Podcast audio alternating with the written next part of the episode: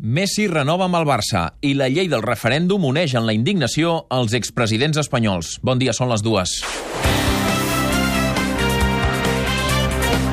Catalunya migdia. Amb Òscar Fernández.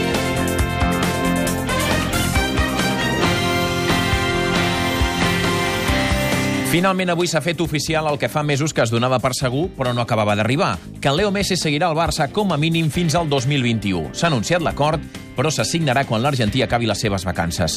De seguida ampliarem aquesta informació, mentre que l'actualitat política també ve calenta. La llei del referèndum, que es va presentar ahir, ha fet reaccionar els presidents espanyols, el d'ara i els anteriors. Mariano Rajoy creu que els deliris autoritaris de l'independentisme mai no podran vèncer l'estat democràtic.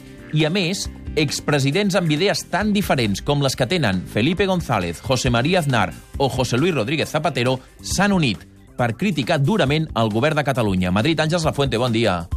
Bon dia, sí, i els tres han utilitzat la paraula autoritarisme per referir-se a l'executiu de Puigdemont. Els tres han coincidit que està en joc la convivència interna a Catalunya, on s'està fent una proposta com la de Maduro, ha dit González. S'intenta liquidar la democràcia i la llibertat, ha sentenciat Aznar, mentre Zapatero ha apuntat que no es pot aplicar el dret d'autodeterminació a Catalunya.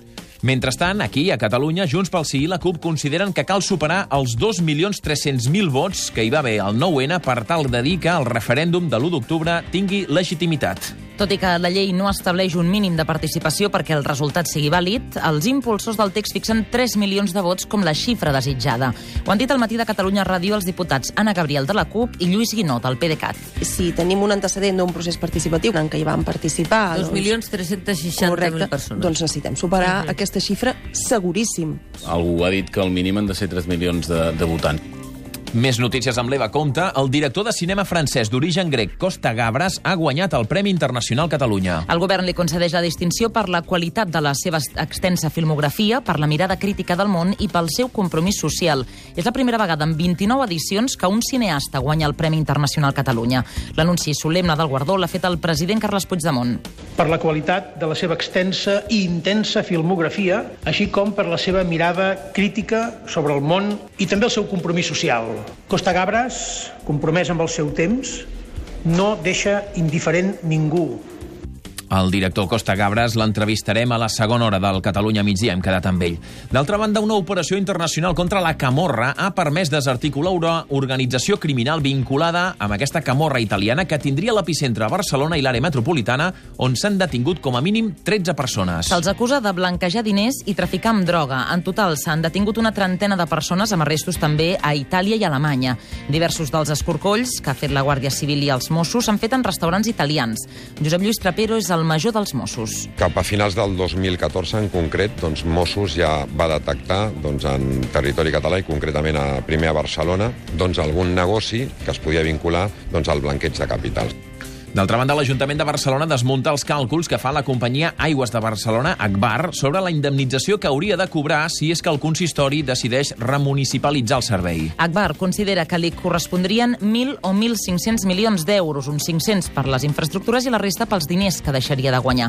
En declaracions a Catalunya Ràdio, les primeres que fa sobre aquest assumpte, el regidor d'Aigua i Energia, Eloi Badia, qüestiona aquestes xifres. D'entrada, defensa com a públics molts dels actius que Agbar comptabilitza com a seus. Curiosament, després de més de 150 anys de pagar rebuts, no hi ha cap instal·lació pública. Seria no sé, un, un cas d'estudi eh, a nivell mundial com pot ser que el rebut de l'aigua no hagi repercutit en cap inversió. Estem convençuts que hi ha molta infraestructura que ja forma part del patrimoni públic, de la crònica internacional destacarem que avui comença a aixecar-se la prohibició de dur ordinadors portàtils i tauletes en cabina als vols que vagin avui, de moment, des de Turquia cap als Estats Units. Sí, que alguns aeroports hagin reforçat les mesures de seguretat ha permès aixecar la prohibició que va decretar el mes de març el govern nord-americà a les companyies aèries d'una desena d'aeroports de països àrabs. De moment són els que surten des de Turquia, però sembla que en els pròxims dies hi podria haver també altres països que veiessin com s'aixeca aquesta prohibició. I avui també parlarem de nosaltres, per donar-vos les gràcies als 112.000 oients que cada dia escolteu al Catalunya migdia. De 3 a 4 a la segona hora som líders a Catalunya i el programa creix en 65.000 seguidors respecte a la mateixa franja d'ara fa un any. Pel que fa al conjunt de l'emissora, 575.000 oients escolten Catalunya Ràdio cada dia, segons les dades de l'última onada de l'Estudi General de Mitjans, i torna a ser l'emissora que més creix. Al matí de Catalunya Ràdio, amb 55.000 oients més, aconsegueix una audiència de 472.000 seguidors diaris. I quan passin 5 minuts de dos quarts serà el moment de l'actualitat més pròxima. Avui comencem el recorregut a Girona, Clara Jordan. Un submarinista mort aquest matí davant la costa de Tossa de Mar. Un vaixell ha vist un cos surant a 200 metres de la costa, l'han portat fins a la platja gran del municipi, on l'han intentat reanimar sense èxit. La víctima és un veí de Malgrat de Mar de 62 anys. Anem ara a Tarragona, Rosa Pujol. Els Mossos d'Esquadra investiguen la mort d'una dona de 63 anys al seu domicili de la Bisbat del Penedès i al Baix Penedès.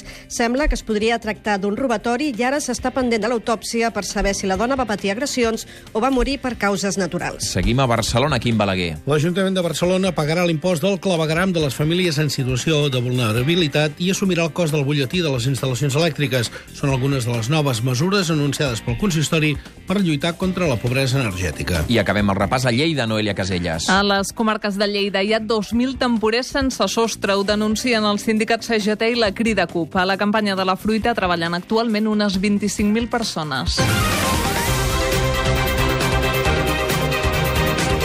Després de les notícies pròximes serà el moment de l'actualitat esportiva. Jordi Túrria, bon dia. Hola, bon dia. Ja hem dit que és un dels noms propis del dia, Leo Messi, perquè finalment s'ha fet oficial aquest acord de renovació com a jugador del Barça. Serà fins al juny del 2021, és a dir, just quan l'argentí complirà 34 anys. Messi va arribar al Barça amb 13 i aquesta serà la seva vuitena renovació. Repassarem la seva evolució.